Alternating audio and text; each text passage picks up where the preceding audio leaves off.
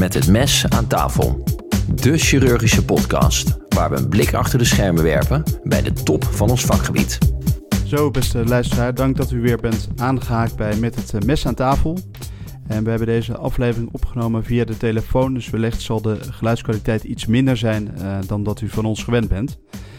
Desondanks is het weer een uh, mooie aflevering geworden en spreken we vandaag professor Robert Porte en zullen we het gaan hebben over levertransplantaties. Robert is professor HPB en leverchirurgie in Groningen. En na zijn opleiding in Leiden deed hij een transplantatiefellowship aan de befaamde Duke University. Uh, inmiddels heeft hij meer dan 350 publicaties op zijn naam en begeleidde hij 30 promovendi. Um, hij zit of zat in het editorial board van vier internationale bladen en werd bekend in Nederland door zijn optreden in De Wereld Door, waar hij vertelde over zijn orgaanperfusiekamer. Uh, Robert, welkom. Goedemiddag. Um, zou je uh, ons misschien wat kunnen vertellen over waar je bent opgegroeid en, uh, en opgeleid? waar ik ben opgegroeid? Hè? Ik, ben, ik ben eigenlijk opgegroeid onder de rook van Rotterdam in Hellevoetsluis. Dat is een, een stadje 25 kilometer ten westen, zuidwesten van Rotterdam. Mijn, mijn, moeder kwam uit Rotterdam, mijn vader was Fries, maar die heeft eigenlijk zijn hele leven in Rotterdam gewerkt bij een containerbedrijf. En um, ja, daar is ik in Hellevoetsluis opgegroeid en uiteindelijk in Rotterdam gaan studeren, eh, geneeskunde gaan studeren. Aan het Erasmus uh, eh, MC, wat dan ja, toen de Erasmus Universiteit. En um, na mijn opleiding, na mijn studie uh, militaire dienst geweest. Anderhalf jaar in Veldhoven gewerkt. Eigenlijk in het Maxima Medisch Centrum, wat toen nog het Sint-Jozef ziekenhuis heette, waar een militair team zit met dienstplichtigen. Zat, volgens mij, het is nu niet meer zo. Eigenlijk ben je in de praktijk dan gewoon ANIOS chirurgie. Um, en daarna een opleiding gekomen in de Leidse regio. En daar eerst in het Westeinde ziekenhuis 3,5 jaar en toen nog twee jaar eh, LUMC mijn opleiding gedaan. En wat, wat zie je in zo'n militair ziekenhuis uh, voorbij komen dan, in die anderhalf jaar? Ja, het is een militair team dat werkt in een burgerziekenhuis, dus in het Maxima Medisch Centrum in Veldhoven. Uh, daar ja. is dan een militair chirurg werkzaam, uh, zoals voor mij nog steeds is in heel veel burgerziekenhuizen, met daarnaast een dienstplichtig artsassistent, één of twee. En die participeren eigenlijk gewoon in de burgerzorg. De patiënt weet vaak ook helemaal niet dat het een militair arts is. En ik was daar gewoon ANIOS uh, uh, in dat ziekenhuis uh, anderhalf jaar, maar wel als betaald vanuit Defensie. Dat is eigenlijk, en af en toe moet je dan nog oefeningen in Duitsland uh, als militair. En voor de rest, je moet je algemene basistraining doen als militair. Maar dat was het eigenlijk. Je, je hebt wel leren schieten? Ik heb wel leren schieten, ja. Ik was best goed in schieten trouwens. Ze zeiden nog dat ik door mocht naar de scherpschuttercursus, maar dat hebben we niet gedaan. Ik dacht, ik ga maar gewoon verder met de chirurgie. Ja, toch een andere carrière gekozen. Um, en na je opleiding ben je ook um, een tijd fellow geweest aan de Duke University. Wat waren, waar, waarom heb je dat gedaan? Wat was je idee daarachter? Ja, ik ben in 1997 uh, met mijn opleiding geëindigd in het LUMC. En toen wist ik eigenlijk wel dat ik transplantatiechirurg wilde worden. Dus dat, je, dat ik daar een fellowship voor moest doen. Want dat leer je natuurlijk niet in je, in je algemene zes jaar basisopleiding. Um, en in Nederland was daar eigenlijk nog nergens een, in de vorm van een soort fellowship. En ik wilde ook heel graag gewoon voor mijn ontwikkeling tijd naar Amerika toe. Ik had inmiddels in die periode dat ik in militaire dienst zat mijn USMLE gehaald. Amerikaans uh, artsexamen. Ja. Dus ik heb toen uh, gewoon een aantal grote transplantatieklinieken in, klinieken in Amerika aangeschreven en gezegd van uh, hebben jullie een plek voor een buitenlandse fellow en mag ik komen. Dat is uiteindelijk Doek geworden. En hoe lang ben je daar geweest? Anderhalf jaar. Oh, dat is wel een flinke tijd. Ja. ja. En daarvoor had ik als student al zes maanden in Pittsburgh gezeten. Wat eigenlijk een beetje toen ook het Walhalla was voor de levertransplantatie. Omdat Starsel daar nog actief was. Ja. Dus alles bij elkaar twee jaar in een Amerikaans uh, transplantatieziekenhuis gezeten. En, en wat was het dat je graag transplantatiechirurg wou worden? Dat was natuurlijk een vrij specifieke keuze. Ja, ik denk dat dat toeval is, eerlijk gezegd. Want ik, ik wist gek genoeg als jongetje van 5, 6 wel dat ik chirurg wilde worden. Eigenlijk eerst wilde ik dokter worden. En uh, nou, eerst wilde ik brandweerman worden. Maar uiteindelijk, toen ik zag dat dat helemaal niet interessant was, wilde ik toch heel snel dokter worden. En ik, ben, ik kan me nog herinneren dat ik geneeskunde ging studeren om chirurg te worden. Terwijl ik niet uit een medisch nest kom, ook helemaal geen voorbeelden had. Maar op een manier vond ik dat zo fascinerend. De anatomie van het lichaam. Dat je dus met je handen dingen kon beter maken dat ik heel zeker wist dat ik dat wilde. En, ehm, maar goed, dat was niet specifiek leven. Alleen ik ben tijdens mijn studie in Rotterdam in aanraking gekomen met professor Terpstra. Die later naar Leiden is gegaan. Uh, en die is in 84 begonnen met de levertransplantaties. Ik was toen nog uh, tweede, derdejaars uh, student. En, um, en kwam als student onderzoeker, werd ik kwam in aanraking met de levertransplantaties. Omdat daar onderzoek gevraagd werd om onderzoek te gaan doen naar ja, bloedstolling en bloedverlies tijdens de levertransplantaties. Wat in die jaren nog echt een major ding was. Die mensen bloeden soms dood op tafel. En 50, 60 liter bloedverlies was niks voor een gemiddelde transplantatie. Dus er was heel veel vragen, heel veel uh, onduidelijk in die tijd. En toen ben ik eigenlijk van, naast mijn studie, uh, samen met een hele goede studievriend van me, Frank Lebeek, die later uh, hoofd, hoogleraar hematologie geworden is in het Erasmus MC, daar nog steeds werkt. Vanuit de, vanuit de studie zijn we onderzoek gaan doen. En ja, toen zag ik Terpstra die levens transplanteren en doen. En toen ben ik ook in opleiding gekomen uiteindelijk uh, toen Terpstra naar Leiden verhuisde in de Leidse regio. En ja, dan... Toen dacht je, dat wil ik ook. Toen dacht ik, dat wil ik ook. Dus toen, zo, zo ben ik eigenlijk in terecht gekomen. En uh, nog even over die fellowships. Is dat, uh, is dat nu eigenlijk anders? Dat je, is, is er in Nederland nu een fellowship transplantatie, die, chirurgie die je zou kunnen doen? Ja, ja, ik denk in meerdere klinieken. Als ik voor Groningen praat, wij hebben nu een, een transplantatie uh, HPB fellowship, als het gaat om levertransplantatie. En aan de niertransplantatiekant is ook een fellowship gecombineerd met MOD. In Rotterdam, met Erasmus MC, is ook een soort vergelijkbaar HPB slash levertransplantatie, niertransplantatie fellowship. Dus nu bestaat ja. dat langzamerhand wel, ja. Je hoeft niet meer echt naar, de, naar Amerika toe dus voor zo'n fellowship, maar zou je dat nog steeds wel aanraden toch om daarheen te gaan? Absoluut, absoluut. Ik, ik, zie, ik zie voor mezelf een soort tweedeling. De fase voor Amerika en de, na, de fase na Amerika. En ik denk echt dat dat wel een, een game changer voor mij, persoonlijk in ieder geval geweest is. En ook voor, mij, voor mijn vrouw, voor mijn, mijn gezin. Uh, de, mijn dochter is daar geboren. Mijn vrouw was zwanger toen we naar Amerika gingen. De oudste is in Leiden geboren. Maar voor ons als gezin en voor mij persoonlijk ook in mijn professionele carrière is het wel echt een kantelmoment geweest. En ja, ik kwam zo gewapend terug uit Amerika. Ik heb daar zo ontzettend veel geopereerd. Ik had daar, dat wist ik helemaal niet toen ik er naartoe ging, maar ik was de enige fellow. En in Amerika betekende dat gewoon dat je 365 dagen per jaar dienst hebt.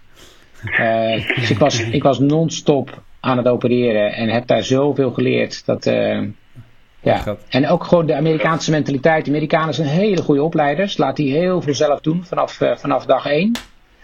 Ehm, en coach je, coach je heel goed en praat je eigenlijk door een operatie heen zonder het nou continu te willen overnemen. Ja, dus dan gaat het wel snel, het, leer, het leerproces. En is het, uh, je bent ook in Suriname op sabbatical geweest. Geldt uh, ook daarvoor dat je daar veel geleerd hebt? Nou, dat is echt heel zijn. anders. Dat heb ik natuurlijk in veel latere fase van mijn leven ben ik in Suriname terechtgekomen. Uh, eerst om, omdat ik vanuit Rotterdam eigenlijk mijn vrouw en ik allebei vanuit Rotterdam uh, goede Surinaamse vrienden hebben. En uh, die op een gegeven moment zijn gaan opzoeken in 2004. En later nog wel een paar keer vakantie in Suriname weg geweest. En op een gegeven moment ook wel verliefd weg geworden op het land Suriname en op de mensen daar. En uh, ja, ik heb in 2012 daar vier maanden gewerkt omdat ik een soort mini-sabbatical had. Omdat ik veel te veel opgespaarde vakantiedagen had die ik in al die jaren niet had opgenomen. En toen, toen in één keer dat mij hebben opgenomen in drie, vier maanden sabbatical. En toen heb ik daar uh, in het academisch ziekenhuis gewerkt. En toen kwam ik er eigenlijk achter dat er toen, nu iets meer, maar toen maar acht uh, chirurgen in het hele land uh, werkten. Die eigenlijk alleen maar algemeen heel kunnen doen. En dat de dingen die wij hier in Nederland heel gewoon vinden, leverresecties, colorectale levermetastase, pancreascoopcarcinoom, dat dat allemaal niet geopereerd wordt. Eigenlijk die mensen gewoon verteld wordt dat ze niet gecureerd kunnen worden, dat ze naar huis gaan om te sterven. En sindsdien kom ik regelmatig eh, en hebben we ook eh, een soort samenwerkingsverband met de chirurg in het AZP, maar ook wel in het Diakonessenhuis in Suriname om HPB-ingrepen daar te doen. Dat is het Academisch Ziekenhuis uh, Paramaribo. Ja, ja. En, en wat doe je daar inderdaad, uh, want je bent een super gespecialiseerd chirurg die dus uh, levertransplantaties doet. En, en doe je daar nou algemene dingen of kom je daar juist om de HPB daar te gaan doen? Nee, mijn sabbatical, toen ik toen er vier maanden zat, toen deed ik algemene chirurgie dat was ook wel spannend, want ik heb daar weer dingen gedaan die ik in Nederland niet eens meer zou mogen met de certificering. Ja. Maar schildklieren, liesbreuken, uh, nou ja, allemaal dingen die ik allemaal al jaren niet meer gedaan had. Ehm, maar nu kom ik er alleen nog maar uh, op afroep als er een patiënt is voor een specifieke HPB-operatie. Ja. En uh, hoe regel je zo'n sabbatical? Want volgens mij zijn er best veel mensen die zoiets willen. Hoe, hoe, hoe, spreek je dat af in een groep? Want je bent een hele tijd weg. En uh, is dat eens in de zoveel jaar? Of, of, hoe doe je dat? Ja, wij, wij, ik had gewoon heel veel vakantiedagen. En jij, je, je, je afdelingshoofd kan zeggen van ik wil niet dat je ze allemaal opneemt. Maar er werd ook al een paar keer in mijn jaargesprek gezegd dat ik wat moest gaan doen aan dat stuur meer van vakantiedagen.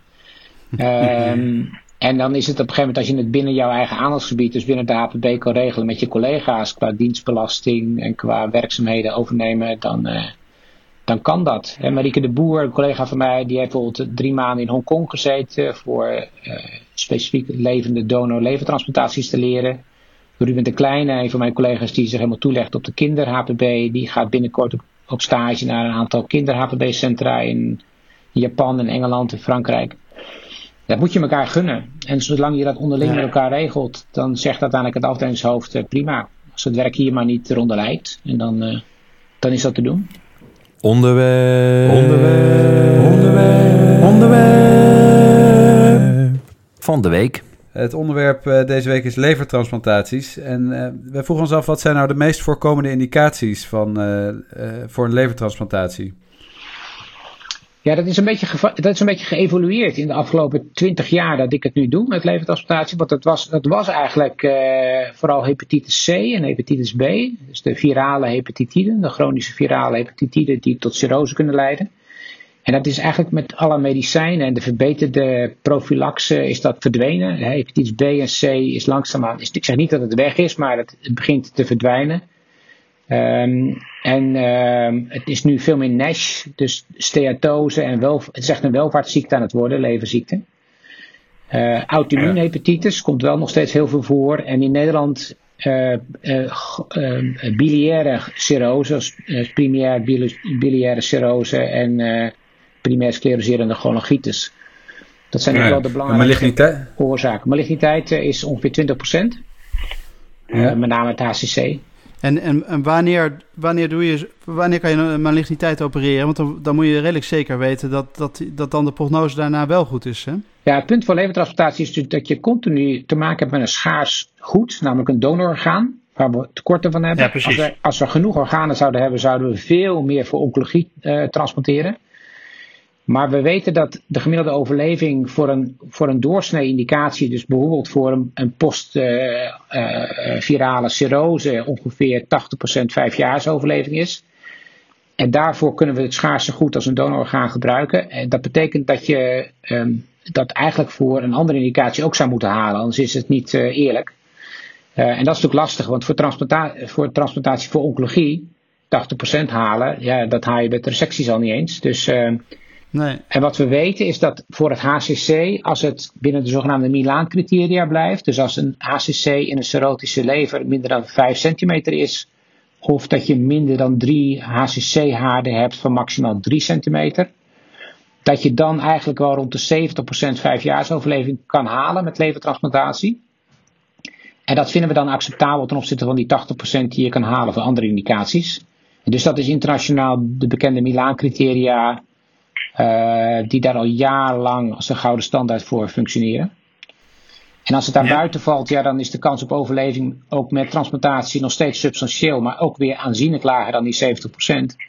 En dan vinden we het toch niet justified om dat dan te doen uh, met een schaars donororgaan. En speelt leeftijd dan ook nog een rol?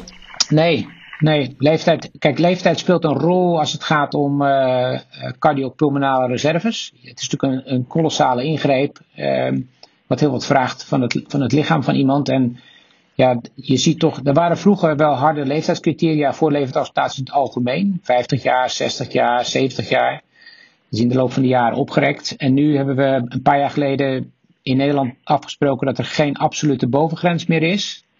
Uh, maar dat we wel heel erg naar de kalenderleeftijd kijken, of de biologische, biologische leeftijd en of iemand het aan kan. Ja. Oh ja. en, en zit het nou heel anders in andere landen? Hè? Dus uh, ik, ik weet niet of wij relatief veel of weinig levers hebben. Ik kan me voorstellen dat, dat België, die een ander systeem heeft, er bijvoorbeeld meer heeft. Hebben zij dan een heel andere indicatiestelling? Nee, binnen Eurotransplant, waar Nederland toe behoort, hè, dat is onder andere ook België, eh, Duitsland, Oostenrijk, Kroatië, dat soort landen, Hongarije, zijn de regels vrij uniform. Daar zijn we afspraken Ja. voor gemaakt. eh, op medisch niveau, wat vinden, we, wat vinden we verantwoorde indicaties. Maar in België heb je inderdaad drie keer zoveel meer donoren als in Nederland. Eh, daar, daar, daar knijpen ze wel eerder een oogje toe als het gaat om een HCC wat buiten Milaan valt. Eh, of eh, qua ernst van ziekte een patiënt die in Nederland misschien nog niet aan toekomen zou komen voor transplantatie en in België wel. Dus er zijn wel, er zijn wel subtiele verschillen tussen de landen, maar in grote lijnen wordt internationaal dezelfde criteria gehanteerd. Ja. En kan je iets vertellen over de screening van die patiënten? Hoe, worden die patiënten, hè, dus of ze in aanmerking gaan komen, hoe, hoe gaat zoiets? Ja, dat is, dat is ook geprotocoliseerd in Nederland. Er is een, er is een landelijke indicatie- en screeningsprotocol voor, eh, voor levertransplantatie. In principe is natuurlijk het poortspecialisme voor eindstadium leverziektes is de MDL, de hepatologie. Dus mensen worden dan eh, vanuit de periferie meestal met een al jaren bestaande leverziekte verwezen naar een van de drie levertransplantatiecentra, komen dan binnen bij de MDL hepatologie. En dan wordt voor een groot deel de screening eh polyklinisch gedaan met CT-scan, bloedonderzoek, virus, eh, virologie, eh, consulten van anesthesie, chirurgie, etc. En dan soms worden mensen even een paar dagen opgenomen voor de screening. En dan wordt dat afgerond. En als dat hele protocol afgevinkt is en alle onderzoeken zijn gedaan, alle consulten zijn gedaan, dan hebben we een zogenaamde wekelijkse indicatiebespreking. Vrijdagochtend. Ja. En dan wordt de casus besproken. En als daar eh, van alle partijen akkoord is, dan komt er een, een zogenaamd groen lichtgesprek met de patiënt en de familie door de hepatoloog. Die is dan altijd hoofdbehandelaar tot aan de transplantatie. Ja.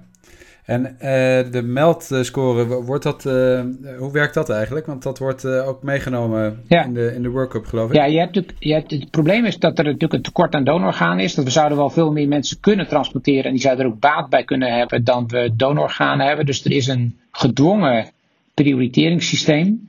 De Nederlandse wet op orgaandonatie zegt dat wij de ziekste patiënten het eerste moeten transporteren. Vroeger gold wachttijd als belangrijkste criterium. Wie het langst op de wachtlijst stond, stond bovenaan de wachtlijst. De wet zegt nu sinds een paar jaar dat wij de ziekste mensen eerst moeten transporteren. En daarvoor is vanuit wetenschappelijk onderzoek de meldscore ontstaan in Amerika, in de Mayo Clinic ontwikkeld. En die is gebaseerd op drie laboratoriumuitslagen: het serum bilirubine, het creatinine en de, INR.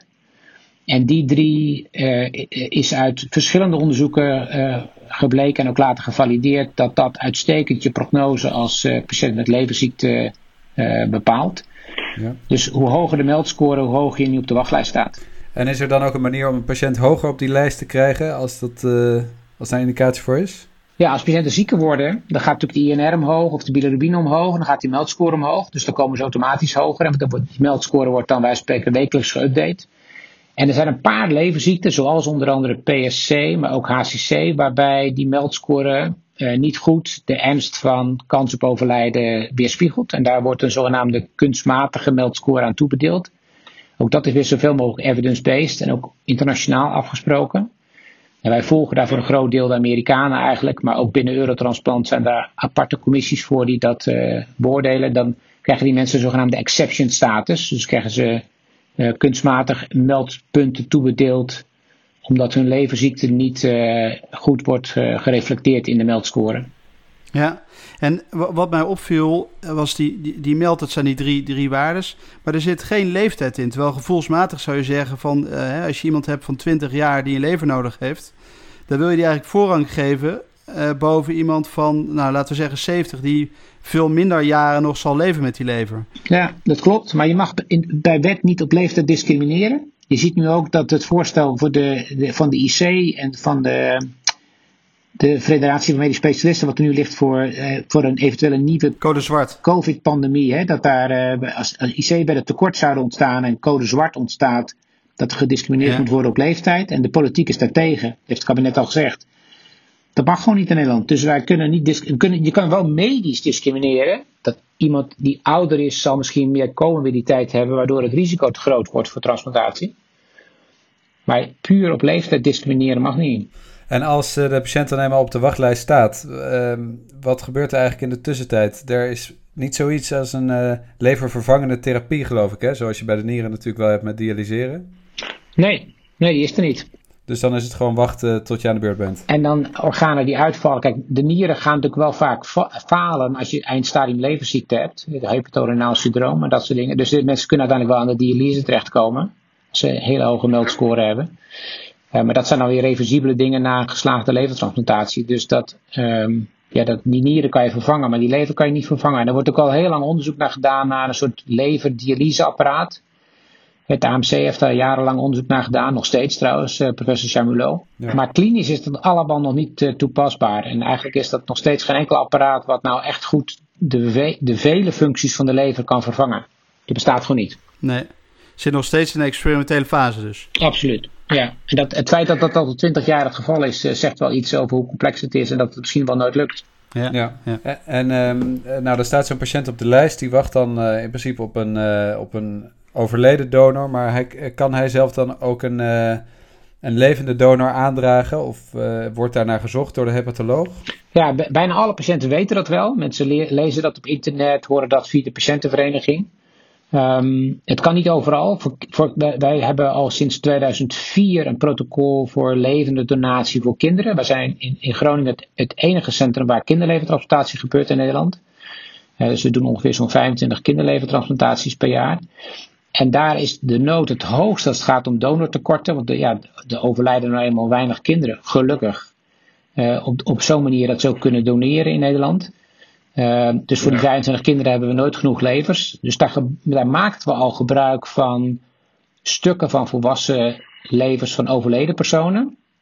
Zogenaamde split, splitlevertransplantaties. Hè, dat je een volwassen lever, segment 2, 3 eraf haalt. En daarmee een babytje transplanteert. Maar goed, met die, met die techniek kan je ook uh, gebruik maken van een levende donor. Maar je kan zo'n splittechniek of een, of een hemihepatectomie natuurlijk ook bij een levende donor doen. En voor de kinderen is dat ideaal, want die kinderen kan je in de meest optimale situatie transporteren, electief. Uh, en de ouders uh, is het ook heel ethisch invoerbaar dat die hun, hun dochter of zoon willen helpen uh, met een levende donatie. En zichzelf dus willen onderwerpen aan het risico van een levende donatie. Dus dat is voor ons ongeveer 50% van al onze kinderleventransplantaties uh, maken we gebruik van een levende donor, dus vaak, vaak de vader of moeder. En sinds kort hebben we ook uh, gezegd dat we dat kunnen voor volwassenen. Rotterdam uh, had een tijd een protocol voor levende donor, leventransplantatie van volwassenen naar volwassenen. Is daar een tijd mee gestopt, maar recent ook weer gestart. Dus eigenlijk is dat in Rotterdam en in, en in Groningen nu mogelijk. Leiden bij mijn weten op dit moment niet. Um, en veel patiënten vragen er ook om en zeggen ook ja, ik heb een familielid. Dus dat wordt van casus tot casus bekeken of dat uh, een realiteit is en of dat effectief kan. En is er dan ook mogelijkheid tot crossover of domino-transplantatie? Ja, crossover, dat is nog nooit gebeurd. En dat hoeft ook vaak niet, omdat uh, je hoeft niet op weefseltypering te matchen zoals bij de nieren. Ja. Het crossover-programma wat bij de levende niertransplantaties gebeurt is vanwege de HLA-matching. Omdat vaak een echtgenoot of een een familielid niet kan doneren vanwege uh, niet matchende HLA-typering. Maar dat is minder een issue voor de, voor de lever. Um, en, de, en de aantallen zijn nog wel zo beperkt dat daar, dat daar in Nederland geen sprake van is. Ook nergens in de wereld volgens mij, van crossover.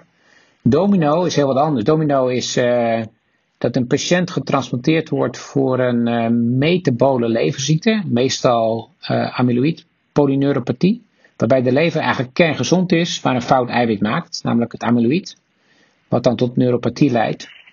En, die, en dat duurt 20, 30 jaar voordat je daar last van krijgt.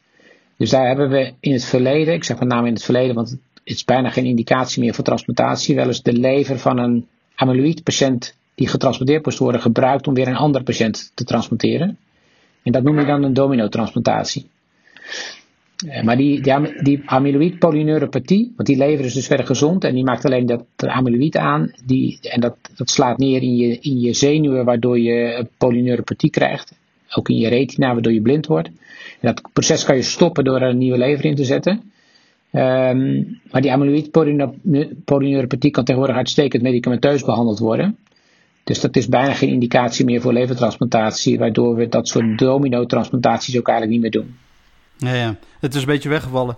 En kan je iets zeggen over uh, hoe je zo'n gezonde donor opereert? Maakt, maakt jouw operatie dat heel anders? Nou ja, het, het, het voordeel is natuurlijk dat wij een HPB slash levertransplantatiepraktijk hebben. En dat de levertransplantaties ingebed zijn in de HPB-praktijk. Dus wij doen gewoon bijna dagelijks, in ieder geval twee, drie dagelijks, uh, grote leverresecties. En de inwezen ja. is natuurlijk niet anders of dat je nou een hemieptectomie doet voor een colorectale levermetastase of voor een HCC of voor een donor. Behalve dat, je het, uh, dat, de, dat de donor in het geval van een, een, donatie geen enkel belang erbij heeft. Maar zichzelf wel blootstelt aan een grote operatie met toch een morbiditeits- en ook een klein mortaliteitsrisico. Dus emotioneel zijn het wel andere operaties dan een oncologische operatie, moet ik zeggen. En hoe groot zijn die risico's eigenlijk voor, voor een living donor? Um, ja, kijk, het voordeel is dat wij hebben dat gecentraliseerd. Wij zijn in Groningen met 8 HPB, nou tegenwoordig 9 HPB-chirurgen, maar we hebben wel gezegd dat uh, er eigenlijk maar 2, 3 zijn die die levende donors doen. Omdat dat gewoon dan daardoor een treintje wordt, waardoor je heel goed wordt erin. Marieke de Boer is ja. daarmee begonnen. Carlijn Buis en Joost Klaassen, die, die hebben met z'n drieën nu een team voor die levende donaties. En die zijn daar dus heel goed in. En die hebben minder dan rond de 10% morbiditeit en godzijdank nog nooit een mortaliteit gehad. We hebben er nu 75 gedaan van die levende donaties. En uh, ja, um, dat gaat eigenlijk beter dan een gemiddelde kankeroperatie, omdat je daar zo super goed in wordt en eigenlijk nou ja, een dedicated team hebt ervoor. Ja. Um, en ik wou nog even terug, want je hebt natuurlijk een groot verschil tussen de heartbeating en de non-heartbeating donoren. Kan je, kan je nog even vertellen hoe dat verschil ook alweer zat en, en wat dat voor effect heeft op de lever, wat dat uitmaakt voor jouw operatie? Ja, nou kijk, de postmortale donatie, wat natuurlijk gewoon nog steeds de gouden standaard is, dat kan alleen maar na, na overlijden bij, uh, bij consent van de donor of familie. En dan uh, moet je ook nog eens keer zo overlijden dat je een intacte circulatie hebt. Dus dat is bijna altijd de hersendood, hè, door een ernstig verkeersongeval of door een massale hersenbloeding of infarct. Dat een neuroloog iemand verklaart hersendood te zijn die geen stamreflectie meer heeft en dat hij eigenlijk geen fysieke bewustzijn meer, of geen mentaal bewustzijn meer heeft, dan wordt iemand klinisch dood verklaard. Maar dan kan het zijn dat iemand uh, het hart autonoom doorklopt en dat de longen beademd worden omdat iemand op een IC ligt. En dan kan je in een soort semi-electieve setting naar de gaan om in een heartbeating situatie de organen uit te nemen, waarna iemand dan ook met een circulatiestilstand, uh, hij is al overleden, maar dan zeg maar echt helemaal uh, uh, ook aan de buitenkant zichtbaar overleden is. En dat is, de, dat is eigenlijk de gouden standaard van orgaandonatie. Uh, en we hebben sinds een jaar of, nou, ik denk 16, 17 alweer in Nederland ook uh, zogenaamde non-heartbeating of DCD, Donation After Circulatory Death donoren. En dat zijn eigenlijk mensen die wel een ernstige hersenbeschadiging hebben, met een eenvoudige prognose, waarbij geabstineerd gaat worden door de neuroloog of door de IC-arts. En dan komt iemand na het abstineren te overlijden door een circulatie ademhalingsstilstand. En dan, als je dat van tevoren met iemand hebt besproken, kan je alsnog doneren. Maar dan heb je dus obligaat een periode van een uh, cardiopulmonaal arrest. En dus een periode van warme ischemie. Want iemand is dan op een intensive care overleden verklaard na het abstineren. Bij die eenvoudigste prognose. Uh, kan dan een hele periode van, nog van hypoxie en, uh, en lage bloeddruk gehad hebben voordat hij definitief doodverklaard wordt. Dan moet je nog naar de operatiekamer toe en dan moet je de organen nog zien te koelen zo snel mogelijk en te preserveren.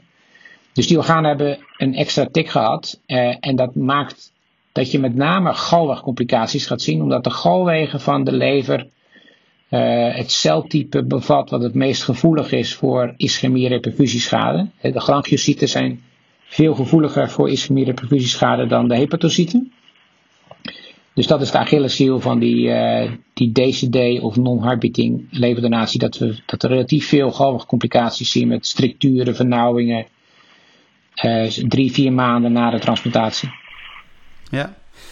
Um, en wat ik me nog afvroeg, kan je, kan je nou in een 75, of, een 75-jarige lever in een patiënt van 20 plaatsen? Want dan, dan wordt die lever uiteindelijk, als die patiënt van 20 lang overleeft, wel heel oud. Ja, theoretisch kan dat heel goed. Ik, eh, we doen het bij voorkeur niet. Want we kijken wel een beetje naar de leeftijd van de donor en de ontvanger. Uh, wat ik al zei, wij zijn het enige kinderprogramma. Dus wij hebben kindertjes van één jaar, twee jaar op de wachtlijst staan. Ja, daar zet je niet zomaar een stukje lever in van een 80-jarige. Maar uh, als je met je rug tegen de muur staat, je hebt geen levende donor en je hebt iemand met bijvoorbeeld acuut leverfalen, wat, wat, zomaar out of the blue kan ontstaan. En ik heb een paar jaar geleden een meisje gehad van 12 die uh, om onbegrepen, nog steeds onverklaarde oorzaak acuut leverfalen kreeg, in coma, een levercoma ging. Toen op high urgency bij Eurotransplant stond en toen kwam er een aanbod van een 80-jarig lever. En dat paste qua size match bij dat meisje van 12. Dat was een vrouw van 80 die uh, niet zo heel zwaar was. Uh, en ja, dat was erop of eronder. En die hebben we getransporteerd en die leven die deed het gelijk. En dat meisje is ontwaakt uit coma. En loopt daar nu nog steeds, denk ik, nou acht jaar later, nog steeds mee rond. Dus die loopt inmiddels met een 88-jarig lever rond. Uh, het grappige van de lever is dat, ik zeg altijd wel eens voor de grap, de lever die veroudert niet. Uh, de lever regenereert zelf continu. En je gaat, als, je gaat eigenlijk nooit dood aan een oude lever. Je kan uh, op hoge leeftijd hartfalen krijgen, of longemfyseem, of nierfalen. Uh, maar het komt eigenlijk nooit voor dat je leverfalen krijgt door ouderdom. Ja, eigenlijk wel een degelijk uh, orgaan dus. Gewoon een heel degelijk orgaan wat zichzelf steeds vernieuwt ook, hè? Het enige natuurlijk, ja, ja. je krijgt uiteindelijk wel telomerenverkorting en dat soort dingen. En, en, de bloedvaten kunnen wat gaan verkalken en dat soort dingen. Maar de ja, en je had... die, die vervangen zichzelf steeds. Ja, dat, dat is mooi. Uh, en je had het net over warme ischemietijd uh, bij, bij zo'n uh, DCD-donatie. wat accepteren we daar eigenlijk in? Hoe, hoe lang kun je de warme ischemietijd laten oplopen? De, de, de, wetenschappelijk onderzoek heeft aangetoond ongeveer een half uur. Echt een half uur substantiële ischemie. Dat wil zeggen bloeddruk onder de 50, uh, saturaties onder de 70 procent. Dat moet niet langer dan een half uur duren. Dan moet je het orgaan wel gaan beschermen met, met koude flush. En dan moet je dus koude perfusie kunnen uitvoeren. Dus het kan ook zijn als het overlijden lang duurt op de intensive care... dat, dat de patiënt toch niet meer in aanmerking komt voor donatie. Ja, dat komt helaas voor. En de koude ischemietijd, uh, hoe lang kan je die laten oplopen? Nou, wij willen dat wel onder de 10 uur houden voor een, voor een goede reguliere lever. En, en onder de 8 uur voor zo'n non-hyperting uh, of DCD-lever. Dus dat blijft toch altijd wel een beetje racen tegen de klok. Um, is er nog eigenlijk een verschil door de nieuwe wet? Kan je dat nu al zien? Dat we, dat we wat veranderd hebben in de transp transportatiewet? Uh, ja, uh, dat, gaan, dat moeten we gaan zien, dat weet ik niet. Ik weet ook niet of het veel gaat veranderen. Ik, ik zag toevallig van de week nog in de krant staan dat uh, meer mensen dan ooit zich hebben aangemeld in het donorregister als zijnde uh, niet willen doneren. Omdat 1 juli gaat de wet in, hè. de wet is nog niet ingegaan, maar de wet gaat toevallig 1 juli in. Daar zou een, in het voorjaar ja. een hele grote publiekscampagne komen van VWS uit en van, ehm, van de politiek, maar dat is allemaal gecanceld vanwege de corona. Dus het gaat nu een beetje met stille, stille trom. En daar wordt in het najaar nog wel aandacht aan besteed, begreep ik, met publiekscampagnes. Um, maar waar dat toe gaat leiden, ik weet het niet eerlijk gezegd. Ik heb, ik heb niet heel veel um, verwachting daarvan. Of dat nou het verschil gaat maken. Nee. En uh, over corona gesproken, zie je dat nog? Uh, is het programma nu stilgelegd of gaat dat gewoon door? We zijn weer op de weg terug. We hebben wel een enorme dip gehad met orgaantransplantaties. We hebben bijna wekelijks overleg gehad tussen de verschillende orgaantransplantatieplatforms in Nederland, de centra. Mm. Omdat we met name aan het begin van de coronacrisis waren er twee zorgen. Het eerste dat het aantal, aantal donoren wegviel. Omdat, omdat IC's gingen vol stromen met COVID-patiënten en dat er ja, minder plek zou zijn voor mensen met een ernstig CVA of uh, potentiële donoren. En ja, je moet wel op een IC liggen om te kunnen doneren. Nou, dat is al heel snel door IC-artsen getackeld dat ze gezegd hebben: ja, wij, hebben ook, wij houden protected bedden in de grote huizen voor niet-COVID-zorg. Um, maar je zag uh, dat mensen met CVA en met uh, grote herseninfarcten gewoon niet verwezen werden. Die, werden. die bleven in de verpleeghuizen, die bleven in de thuissituatie.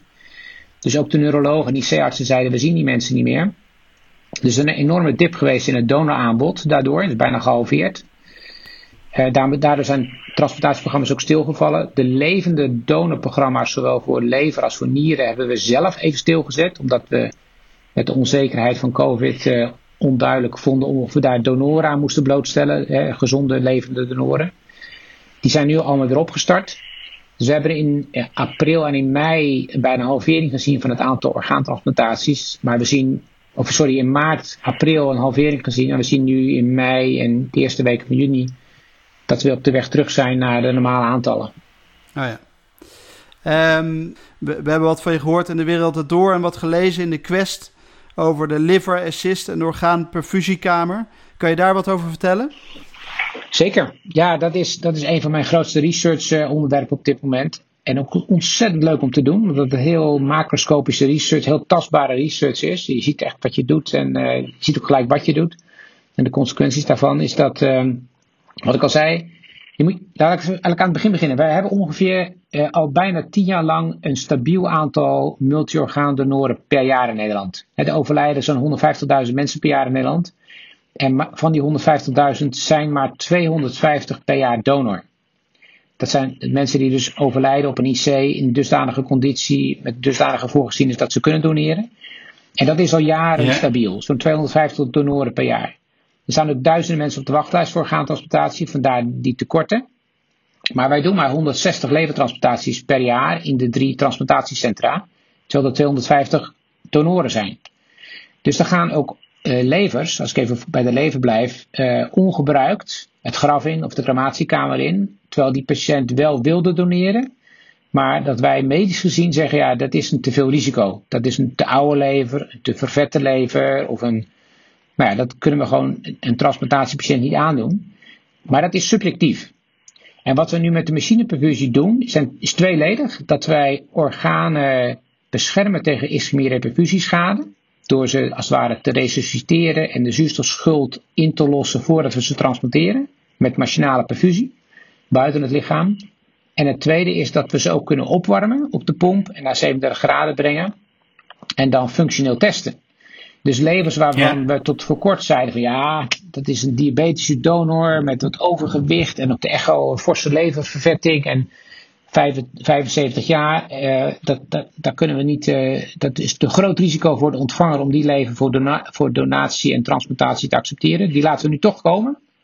Die zetten we op de pomp. Die resusciteren we eerst met koude perfusie, warmen we langzaam op in een uur naar 37 graden. En dan wordt die lever metabol actief. Die lever die denkt bij spreken, ik ben weer getransporteerd, ik zit weer in het lichaam, ik word functioneel actief. Die gaat schoonmaken, die gaat zijn pH stabiliseren. Die gaat stollingseiwitten maken. En dat kan je allemaal meten in de perfusievloeistof, in dat, in dat ex vivo uh, perfusiesysteem. En dan, en dan blijkt dat van die afgekeurde levers toch nog 50, 55 procent wel degelijk functioneel is en de hele transplantatieprocedure zou kunnen overleven en ook iemand kan helpen.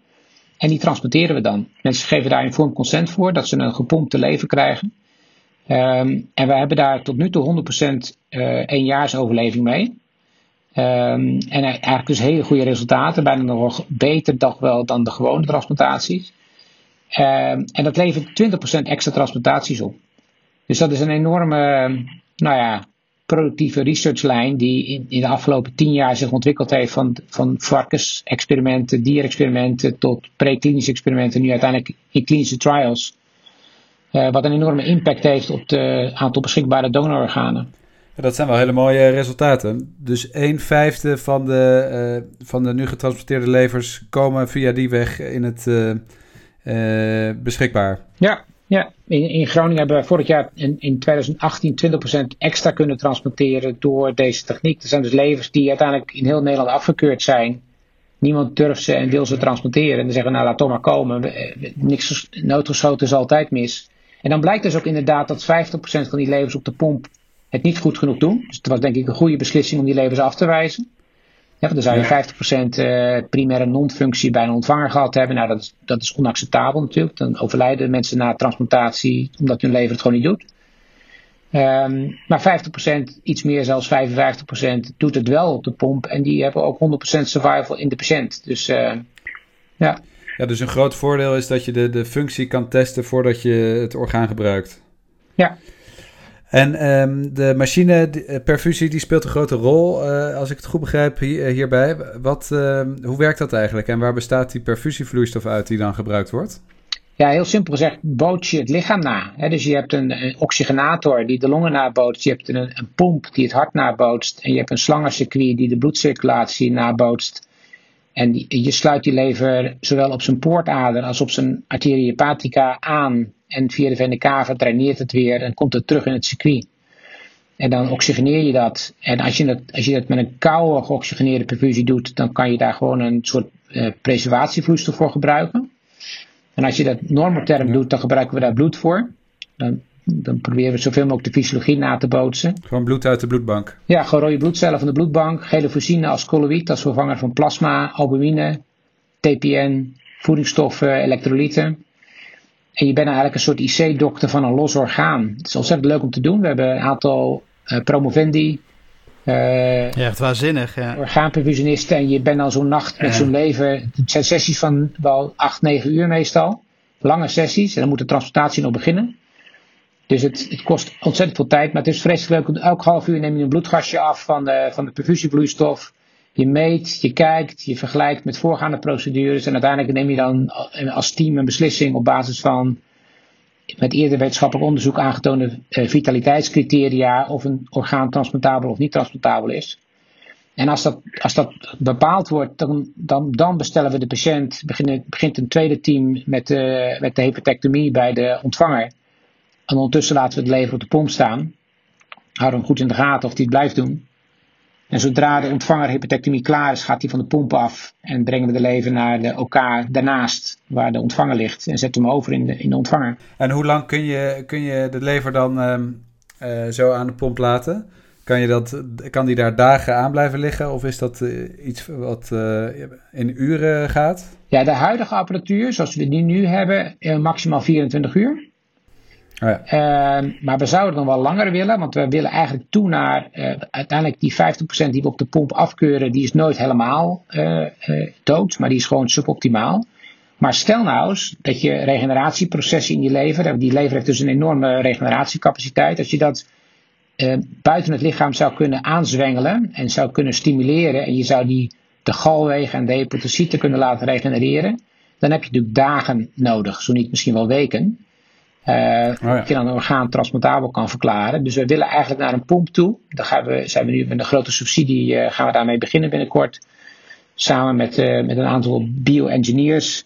Om een pomp te ontwikkelen die wel een week of misschien wel een maand een orgaan buiten het lichaam goed kan houden. Zo.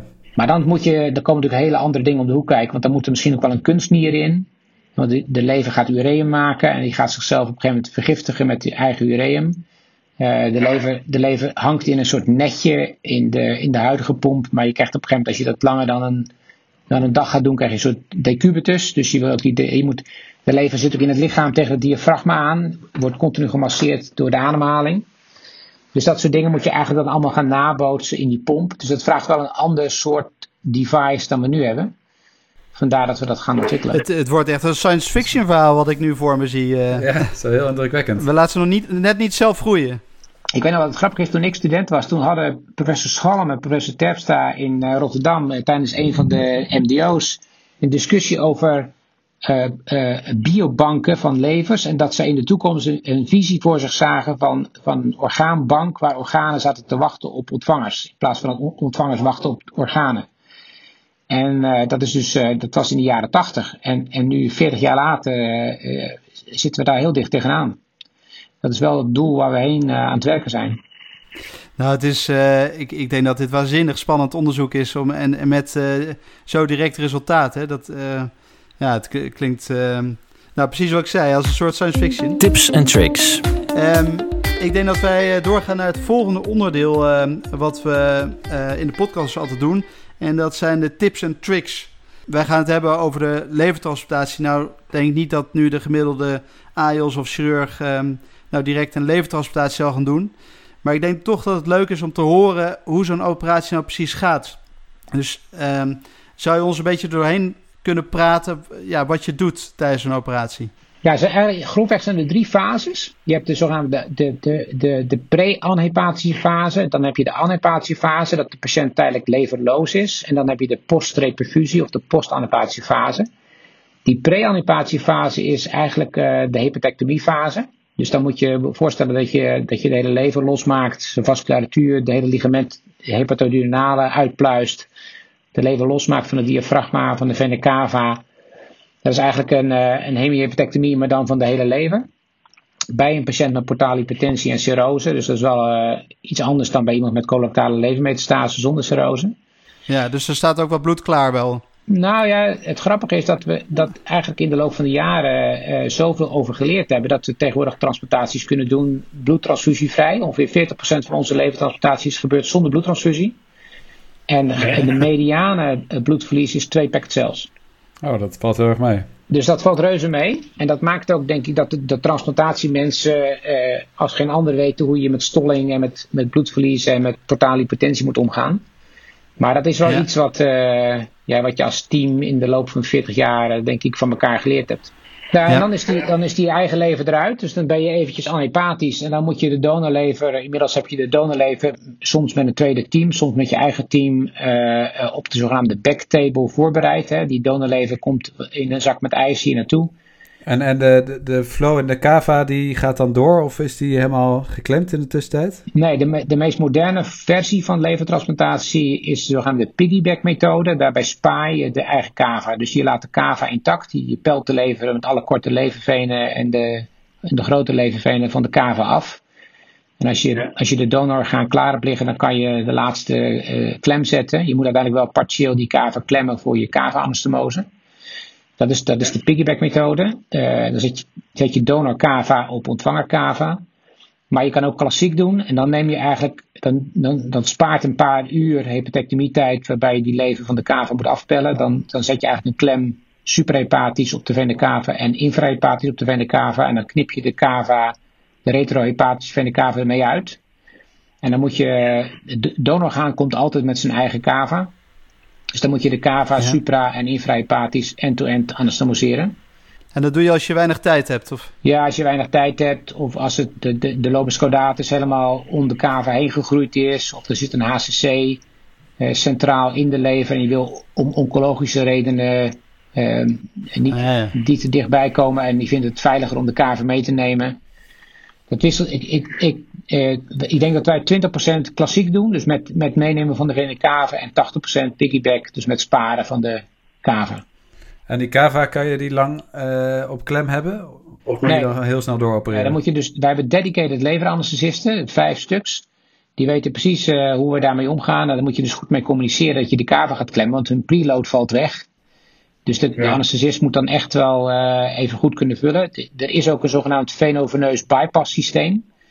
Als de patiënt echt een kaverklem niet verdraagt, dan kan je venoveneuze bypass aanleggen.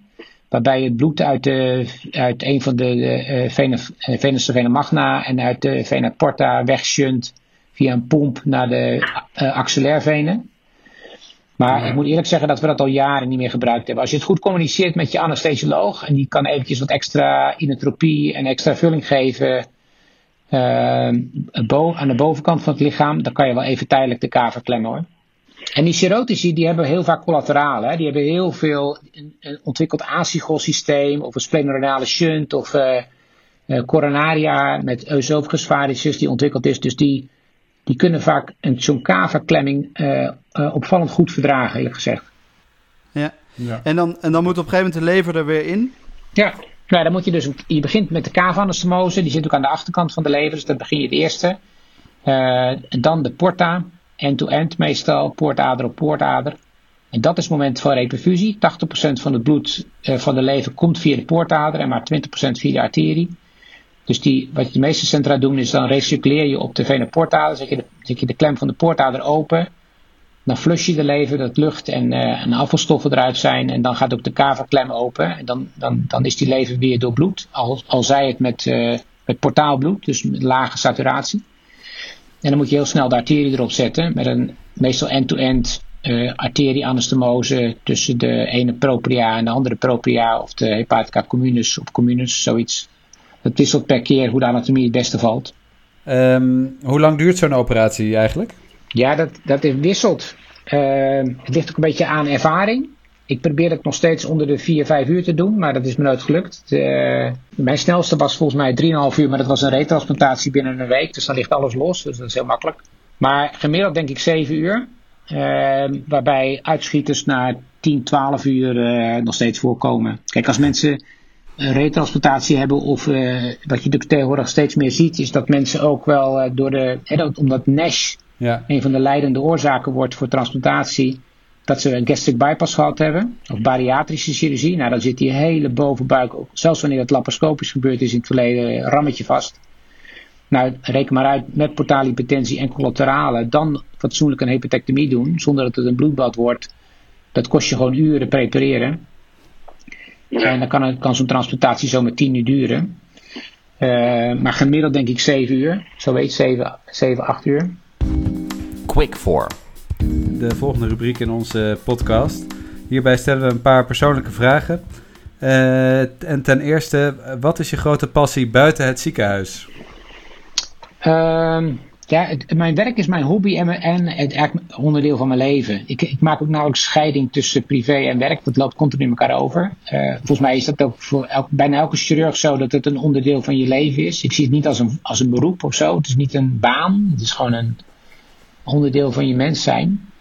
Um, We mogen het doen, ja. Ja, het is gewoon, je bent continu chirurg en het zit altijd in je hoofd. Je bent met dingen bezig en ze bellen me ook gewoon als ik geen dienst heb. Soms weet ik ook helemaal niet of ik dienst heb of niet uh, als ik gebeld word. Um, dus dat is sowieso altijd mijn grootste hobby geweest, mijn werk. Um, maar wat ik sinds kort uh, aan het doen ben, is ik, ik, uh, ben, ik ben van plan om een, een oude finca, een oude boerderij in Spanje te kopen.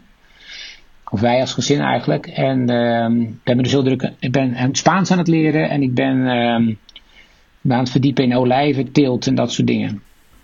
Dus dat is een beetje mijn Dus na het pensioen word je olijvenboer?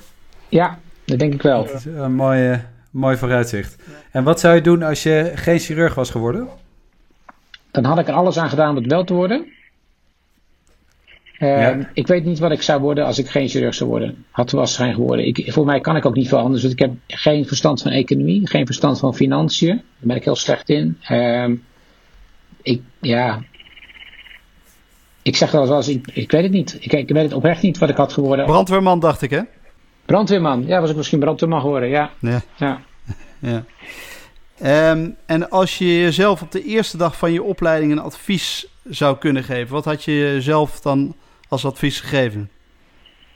Ja, kijk, ik, het is een beetje, ik wil ook niet de oude lul uithangen, want dat ben ik niet. Maar uh, wij werkten natuurlijk nog een 90-urige, 100-urige werkweek. En uh, het voordeel was dat je, dat je de continuïteit zag van, van het hele zorgtraject van een patiënt. Van een patiënt die verwezen werd naar de poli, tot de operatie, tot de nazorg, tot de complicatie, alles. En dat kan niet meer tegenwoordig, want het is niet meer opportun om 100 uur te werken. En het is goed ook misschien. Uh, dus dus uh, assistenten compenseren. En hebben soms vrije dagen. Uh, en, maar, maar ik zou zeggen, zorg dat je wel die want dat is zo belangrijk dat je leert uh, wat de hele keten is en de, de cyclus is. En dat je ook als je dan na een paar dagen vrij terugkomt, dat je je verdiept in die patiënt die drie, vier dagen speelde. Wat er van terechtgekomen is. En wat ik denk dat dat heel belangrijk is. Dat je de, in de hele keten leert denken. En niet alleen maar in dit is mijn dienst. En die patiënt heeft mijn dienst overleefd. En ik ga nu naar huis toe en ik geloof het wel. Duivelse dilemma's. Eerste dilemma. Iedereen verplicht donor of een vaccin voor corona? Uh, vaccin voor corona, denk ik. En dan een uh, paella of rotti? Oh, rotti. Nee, rotti is by far lekkerder dan een paella. Ja, en, en dan Suriname of Spanje. Is dat dan ook Suriname boven Spanje? Dat vind ik heel moeilijk. Dat vind ik heel moeilijk. Misschien, kijk, als Suriname dichterbij was. Ik denk Suriname eigenlijk wel. Ik ben toch wel ik, nog veel liever in Suriname dan in Spanje. Maar, uh, en dan kom ik al veel langer ook. Nee, Suriname vind ik echt een fantastisch land. En fantastische mensen. Misschien toch nog zoeken naar een olijfboomgaard in Suriname dan? Nou, we hebben een hutje, we hebben een huisje in het binnenland van Suriname. Waar we altijd mogen komen. Wat beheerd wordt door lokale inwoners in het binnenland van Suriname. Uh, dat is ontzettend primitief. Er is uh, uh, stromend water, dat is de rivier die langs stroomt. En that's it. Uh, die mensen koken daar voor je, die, die verzorgen je. En dat is echt een, een paradijs. Dat is echt superleuk om te zijn. En we zijn daar meerdere keren geweest. En ja, er is geen wifi, er is helemaal niks. Maar het is wel paradijs op aarde. Je zit er midden in de Amazone jungle van Suriname. Met ontzettend lieve, zorgzame mensen om je heen. Dus dat huisje hebben we gelukkig ook nog. Ja, dat klinkt goed. Uh, en dan het volgende dilemma. Een, uh, een bordje met uh, overheerlijke foie gras of een vakantie naar een koud land zoals Lapland? Nou, dan Lapland. Je eet geen, geen lever, begrepen we? Ik eet geen lever, nee. Nee. nooit meer koude voeten of nooit meer koude ischemietijd? Ja, als we iets aan die koude ischemietijd konden doen, dat zou fantastisch zijn. Die koude voeten hou ik toch wel, denk ik. gaan we naar de afsluiter van deze aflevering. En we willen je vragen wat wat wil je graag dat de luisteraar onthoudt van wat we besproken hebben? Of is er nog een boodschap die je mee wil geven aan de luisteraar? En, en ja, mijn enige mededeling is, jongens, wij hebben het mooiste vak van de wereld. er is geen mooier beroep dan chirurg zijn. En het feit dat je mensen kan helpen met, met je handen en met een operatie, ja, dat blijft gewoon. Ik blijf het spectaculair vinden soms wat je kan doen met het menselijk lichaam en hoe de natuur ons dat allemaal toestaat. Uh, wees daar dankbaar voor en wees uh, jezelf bewust over uh, wat je doet en wat je kan doen voor mensen. En um, benut je talent. Ja. Nou, hele mooie boodschappen om mee af te sluiten. En, en, sluit ook goed aan eigenlijk bij onze andere sprekers die we hebben gehad. En mogen toch maar verrekte blij zijn met wat we doen. Um, Robert, mogen we je enorm bedanken voor, um, ja, voor, voor het, het, ons bijbrengen van de levertransplantatie. ja, heel veel dank uh, voor de aflevering. En uh, ja, tot de volgende keer. Graag gedaan, jongens. Jullie bedankt. Dit was Met het Mes aan tafel. Deze podcast wordt mede mogelijk gemaakt door Johnson Johnson. Dank voor het luisteren en tot de volgende uitzending.